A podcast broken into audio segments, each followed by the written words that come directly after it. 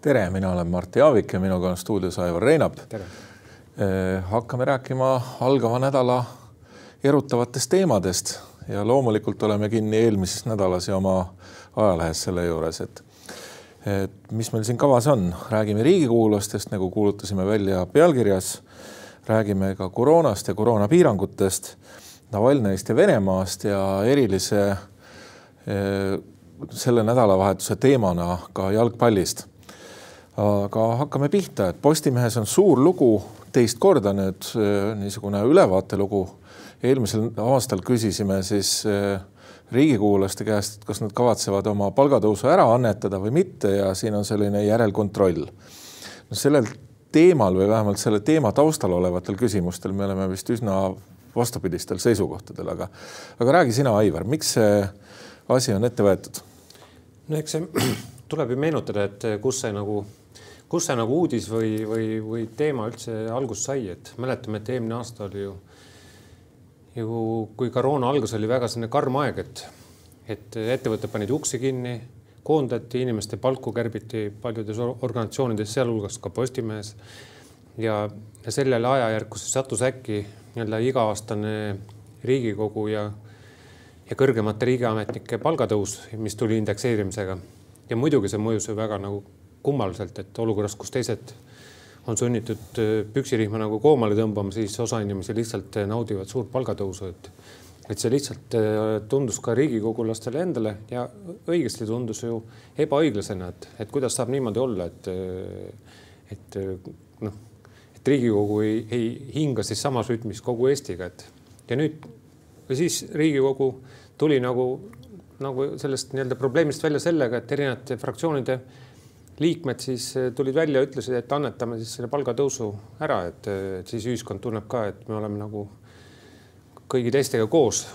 Ja, ja muidugi aasta läks mööda ja nüüd me siis uurisime, et kas siis sõnad peavad või mitte. et osad on annetanud tõepoolest ja osad, kes ka lubasid annetada, mis on kõige tähtsam, mina teeks selle vahe, et kes ei lubanud, pole nagu midagi valesti teinud, aga kes lubasid, ei ole siis annetanud, see on vist selle loo sõnum, eks ole. Nojah, samas jälle isegi no kuidas võtta, et, et ega keegi nüüd ei eelda ju, et, et nad peaks nüüd terve aasta läbi annetama, et küsimus oli ju selles samas a la kolmest, kolmest kuust, mida ka ju Töötukassa ju arvestas nende erinevate palgatoetuste mm -hmm. näol ju, et, et viisakas oleks olnud siis see kolme kuu palgatõus äh, ära annetada, et, et ega see nüüd peast ei oska nüüd arvestada, kui palju see oleks võinud olla, võib-olla tuhat või paar tuhat eurot, et mm, -hmm. et siis oleks, oleks ju nii sõnad ja teod läinud kokku, et. kui sa seda nii kirjeldad, siis see kõlab eh, suhteliselt niisuguse mõistliku ootusena ja kui kui riigikogulased veel ise ka lubasid vähemalt osa neist eh, seda teha, siis see ülevaatus on võrdlemisi huvitav. aga mis mind selle teema juures häirib, on see, et eh, läbi aastakümnete on äh, võib-olla vahel ongi olnud segadus selle Riigikogu liikmete palkadega ja asja on ju ka muudetud eelmise kriisi järel. aga kui midagi halvasti läheb, meil on palju asju indekseeritud, aga midagi läheb halvasti, siis on esimesena hambus Riigikogu liikmete palgad. aga ma arvan, et hea peremees peaks suhtuma asjasse hoopis nii, et et need inimesed, kes teevad meile ühte väga olulist tööd, peaksid olema hästi makstud ja mulle tundub, et see niisugune pidev riigikogulaste palkade kallal õiendamine ei ole päris õige asi mina ei võta seda ikkagi õiendamisena, et see, see lugu on pigem nagu, kas sõna peab või ei pea, et kui sa lubad, on ju, siis tee ka niimoodi, et et selles mõttes on sul õigus, et ei ole mõtet nagu kõiki nüüd ühe vitsaga lüüa, et kes pole lubanud, on ju, ütles, et, et see palk ongi minu tööd väärt ja, ja ma ei anna siit midagi ära, et, et arusaadav, et. mina olen näiteks läbi aastate küsinud noh kõigi nende inimeste käest, kellest mulle tundub, et nad võiksid olla Riigikogus, sellepärast et nad tunnevad hästi riigikorraldust ja on olnud ühel või teisel moel kõikvõimalikes eh, otsustuskogudes, aga ei ole kunagi olnud vahetult poliitikas. et aga miks sa ei lähe, sa oled nii asjatundlik, sa tead eh, peensusteni seda, kuidas riik toimib ja, ja sul on ideid, kuidas see peaks toimima. ja miks sa ei lähe? ja enamasti on vastus see, et aga palk on madal ja eh, lisaks sellele ka pahandatakse hirmus palju selliste asjade pärast, mis äh, minu meelest ei ole see, mille pärast peaks pahanduma, ma siis tsiteerin, eks ole. aga kas see on siis madal, et kas viiskümmend üks tuhat äh, eurot aastas, see teeb siin kuskil neli, neli pool tuhat või, või kuni viis tuhat, neli pool tuhat vist eurot kuus on ju brutopalka, millele lisandub siis ka see kuluhüvitis, millest on ka siin väga palju räägitud, et et see on tavalise töötaja seal palk Riigikogus Need ei ole komisjoni juhid, ei ole kuskil eh, fraktsioonide juhid, kelle palk on oluliselt kõrgem no mida komisjoni juhtimine tähendab, see tähendab ju tegelikult asjakorraldust, viisakat eh, koosoleku juhtimist ja tähendab eh, teatavat päevakorra paikasaamist, mis on muidugi ütleme juba poliitiliste otsuste teema ja aga nende palk on juba ju nii-öelda. aga me ikkagi, minu meelest see põhimõtteline osa on see, et me ootame, me demokraatlikus süsteemis valime ka seadusandjat kui kõige olulisemat äh, iga nelja aasta järel ja me tegelikult peaksime tahtma seda, et need inimesed olekski hästi makstud. ja kui signaal on see, et nagu sellisel õigusloome ja strateegilise juhtimise tasemel see palga äh, tase ei ole õige, siis tegelikult peaks mõtlema hoopis vastupidi, et võib-olla on see palk liiga väike. mitte iga kord, kui läheb asi kuidagi halvasti meil, eh, siis ütlema, et noh, tõmbame juhtide palku alla no,. nii ja naa, et kui sa seda lugu lugesid hoolega, et ega siin ju, siin ju ei heideta seda, et, et, et see palk on nüüd kõrge või, või, või et, et seda peaks kärpima, et selles ei ole ju üldse lugu ju see lugu praegu on ikkagi selles, et kui sa lubad, siis tee midagi on ju ka, et sõnad peaksid, muidu kuidas me neid poliitikuid ju valimistel peaksime uskuma, kui nad räägivad ühte ja pärast ütlevad, et ah, et tuli teine tuju ja tegin teistmoodi onju, et aga kui, kui vaadata jah seda indekseerimissüsteemi, siis tegelikult ta ju töötab ju hästi, et ega ma selle vastu ei olegi üldse midagi, et et tõusevadki palgad, tõusevadki keskmisega võrreldes, et selles mõttes on ju, on ju normaalne, et ega me ei, me ei tahagi, et riigikogulaste palk jääkski nüüd sinna ühte tasemele, siis olekski aastad või aastakümned muutumatuna, et et, et see indeks on, on, on hea lahendus olnud ja, ja minu meelest see nagu töötab, aga lihtsalt antud juhul läks ta lihtsalt valesse hetke, et noh, muud midagi, et kuidas sa tõstad mm -hmm. palku, kõik ülejäänud ühiskond nagu on, on kokku külmu, külmunud, et et seal oli see ebaõigluse moment ja nad ise ka tajusid seda mm. -hmm. nii et me ei lõua selle looga järjekordselt seda, et riigikogulaste palk peaks olema väiksem, kui ta on? ei mm. -hmm aga tõmbame sellele teemale jutu, joone alla ja räägime siis koroona olukorrast, et äh, niisugused kahetised tunded on, et ühtpidi võrreldes sellega, mis meil oli siin märtsis, on ju nakatumiste ja ka haiglaravi arvud läinud äh, oluliselt alla. aga tase on ikkagi väga-väga kõrge. et ka see nakatumiste arv kakssada, noh, mõtleme seda, et äh, et meile tundus siin sügisel, kui läks uuesti saja peale, et, et seda oli palju ja ka seal viiesaja tuuris kõikuv eh, haiglaravi vajavate inimeste arv ei ole ju midagi sellist, millega, mille üle peaks olema hirmsasti rõõmus. eks see on jah, kõik on selline võrdluse küsimus, et kui me siin mõni saade tagasi siin tuhande viiesajast päevas rääkisime ja see juba tundus ka selline suhteliselt nagu noh, ära harjutud tase, et mis seal siis ikka, et, et et ega see viirus mind nüüd täna kinni ei püüa, et aga, aga nüüd kakssada, tuhande viiesaja taustal tundub ikkagi on ju olu-, noh, väga-väga madal on ju, et aga jah, kui me võrdleme jälle teiste riikidega, et siis see kakssada on ikkagi väga palju ja kui piisab, kui siin tuleb veel mingisugune arusaamatu tüvi veel sisse on ju, et siis eh, võib see plahvatus jälle toimuda, et ja kahesajast saab ühel hetkel jälle tuhat või tuhat viissada, et et kuulsime ju see nädalavahetuski, et nüüd juba hakati rääkima mingi salapärasest India tüvest, et et tundub, et varsti on kõikidel riikidel oma tüvi, et, et, et noh, ma ei oska öelda, kas see on hea või halb või, või kuna me lihtsalt võib-olla ei, ei ka ei analüüsi oma neid tüvesid nii täpselt, et võib-olla on Eesti tüved ka olemas, mingid eripärased, aga, aga me lihtsalt ei tea, on ju. nojah, et Eesti on muidugi väike maa ja ja loodame, et meil siin mingisugust väga-väga imelisi mutatsioone ei teki. aga mis mulle üks väikse asjana on silma jäänud, et eelmise aasta alguses eh, väga suure hooga kohe see põhitüve või põhihaiguse nimi muudeti ümber, et eh, olevat rassistlik ja mis kõik veel, nimetada seda Hiina või Wuhani viiruseks. aga nüüd räägime täiesti rahulikult juba kuude kaupa Briti tüvest ja Lõuna-Aafrika tüvest ja Brasiilia tüvest ja India tüvest, nagu sa lisasid. et huvitav, et siin nagu mingisugust sellist erutunud reaktsiooni ei ole. kuna neid tüves on nii palju, et siis see võib-olla enam ei mõju sellise nagu halvaendelisena ja, ja antud rahvastiku kuidagi alavääristavana, et ma arvan, et selle, selles see asi on. aga räägime hetkeks sellest ka, et eh, kas ja kuidas peaks eh, midagi nüüd lahti tegema, midagi avama, et siin on juttu olnud kohvikute väliterrassidest, mis eh, kõlab suhteliselt mõistuspäraselt, aga olen nüüd mitu nädalavahetust ise ka vaadanud seda, et et ehituspoodide kinnihoidmine tundub ikkagi päris, päris kummaline, eks ole, nendes uutes oludes, et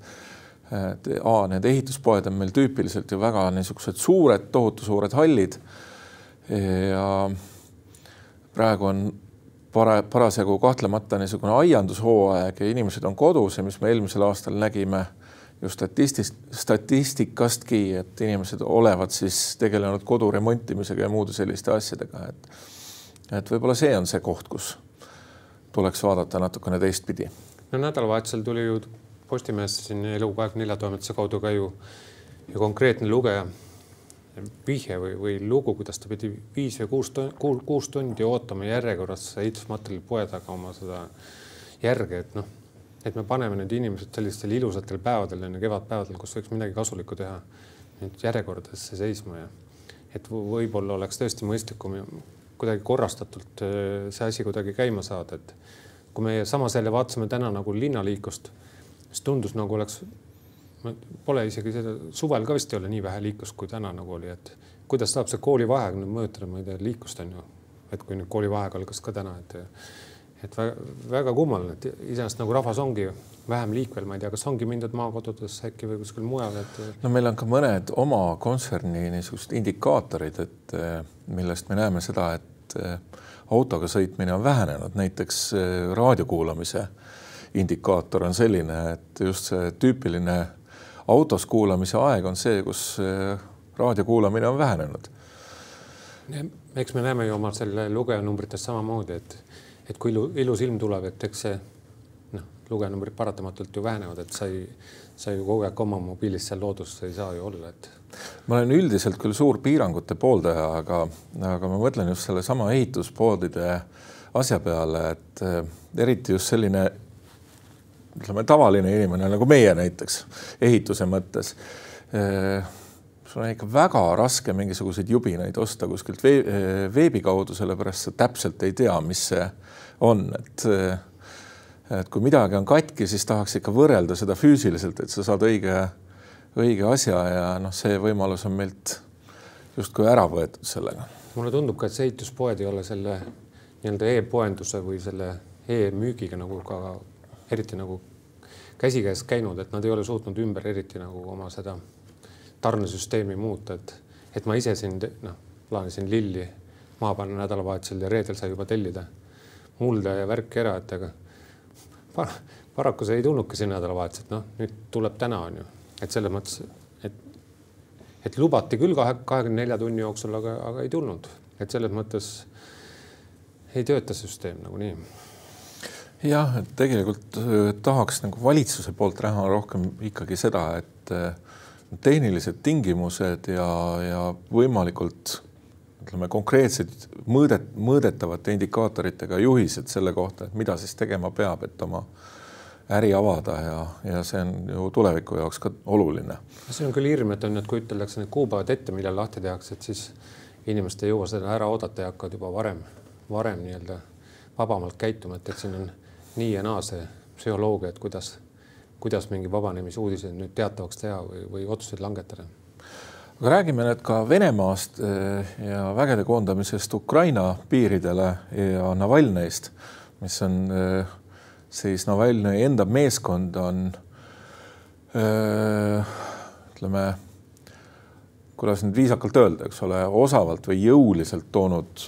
esile selle olukorra, mis Navalnõil vanglas on ja lisaks sellele on veel hulk asju, eks ole, Tšehhis on välja tulnud äh, GRU tegevus ja tõsi küll aastate tagant. ja veel ja veel on neid asju, et, et no mismoodi peaks siis lääs käituma Venemaaga? teame ju isegi, et kui Venemaal hakkab majandusel, majandusega väga halvasti minema ja ega tal pealt ka kõige paremini ei lähe, et et siis Venemaa hakkab otsima muid võimalusi, väiksed sõjalised konfliktid või muud asjad, et rahva tähelepanu kõrvale tõmmata nendest majandusprobleemidest, et noh, muidugi on siin kõlanud hääled, et, et kui, kui nüüd Kalle Ääs ei reageeri kasvõi selle opositsiooniliidri nii-öelda reaalajas suremise protsessile on ju, kus Venemaa võimud lihtsalt vaatavad asju kõrvalt on et, et siis, siis lastakse Venemaa jälle, jälle ära vajuda, et selles mõttes eks need sanktsioonid peaksid olema, aga, aga nüüd küsimus ongi, et kui jõulised need peavad olema, et siin kõlavad ju läbi, et, et lõpetame siis ära selle, selle gaasi või, või naftatarned ja, ja, ja, ja et Venemaa nagu aru saaks ka, et nende tegevusel on mingi, mingi tagajärg, et nagu ka tänases Postimehes siin on ju kirjas ka, et endine president eh, Toomas Hendrik Ilves tegi, tegi ettepaneku, et, eh, et mitte lasta Venemaa kodanikke üldse Euroopa Liitu, et, et siis võib-olla oleks mõju nagu kiirem, et, et eks see on vaidluse küsimus. jah, mingisugused jõulised reaktsioonid võiksid siit järgneda, sest et äh, käitumine on ikkagi absoluutselt üle võlli ja on seda olnud päris pikka aega ja tundub, et need äh, senised sanktsioonid, ei saa öelda, et ei töötaks, muidugi nad töötavad, aga, aga mitte selle käitumise muutmise mõttes, et äh, Kreml on ilmselgelt otsustanud panuseid tõsta ja eks me vaatame siin ju tegelikult ka võib otse öelda, et noh, hirmuga, et ega siis keegi ei soovi, et Ukrainas uuesti see kuum sõda seal suure hooga pihta hakkaks aga läheme viimase teema juurde, mis on jalgpall. ja tundub, et jalgpallimaailm on üles erutatud ja, ja inimesed on suure hooga mõtlema hakanud, et mida siis tulevik toob. aga mis see erutuse põhjus on? eks see teema on nagu ennem ka läbi käinud, aga nüüd ta juba formub selliseks konkreetsemaks, et, et Euroopa suured klubid, jalg, jalgpalliklubid nagu leiavad, et, et nemad võiksid saada sellest nii-öelda rahapotist suurema osa et selles mõttes, et, et siiani on selline suhteliselt nagu solidaarne süsteem, kus FIFA ja UEFA ja jalgpalliliidud ikkagi nagu püüavad ka vaesemaid ja, ja nõrgemaid järgi aidata, et eks Eesti on ka ju võitnud sellest palju, et me oleme saanud seda solidaarsustoetust siia noorte ja, ja, ja ka erinevate staadionite rajamiseks, et noorte kasvatamiseks, et ja nüüd suurklubid on seljad kokku pannud. Need olid siis praegult on et oli vist viis Inglismaa klubi, kolm Hispaaniast ja, ja, ja oli kaks Itaaliast vist, et, et suuremad klubid seljad kokku panna, et teevad oma nagu superliiga, et, et ise müüvad teleõigusi, ise müüvad piletid ja, ja ise jaotavad selle tulu ära, siis et, et kahtlemata nende tulud oleksid oluliselt suuremad ja nende, nende tippmängijaid eh, koonduksid nendesse klubidesse ja sellesse liigasse, et natukene nagu, nagu selline NBA on ju, et, et klubiomanikud võidavad, mängijad võidavad seal. Ja nüüd tekibki küsimus, et, et kuna FIFA süsteemi vastu see läheks ikkagi konkreetselt on ju, et, et FIFA ikkagi püüab nagu teisi ka aidata järgi, et siis eh, selgelt sellisele rünnakule on vastatud omapoolse nagu ähvardustega, et need mängijad, kes seal nendesse superklubidesse nüüd mängima läheksid või superliigasse, kui see tuleks, et siis neil enam ei lubata ei rahvuskoondises mängida ega, ega muudes FIFA ja UEFA egiidi all olevates nii-öelda mängudes, nii et et selles mõttes on, on, on põnev aeg, et kas võidavad suured rahakotid, suured investorid on ju, kes saavad teha sellise kommertsliiga on ju, kus, kus on ikkagi võimsad rahasummad mängus ja, ja kõvad palgad ja suured staarid on ju. või ikkagi selline solidaarsem süsteem nagu täna on mm. -hmm. nii et ühel pool on selline selgelt meelelahutusäri ja teisel pool siis see, kus üritatakse seda jalgpalli murukamarat ka eh, kogu aeg kasvatada aga sellega tõmbame oma tänasele saatele joone alla. lugege Postimeest, vaadake meid järgmisel nädalal jälle. kõike head. nägemist.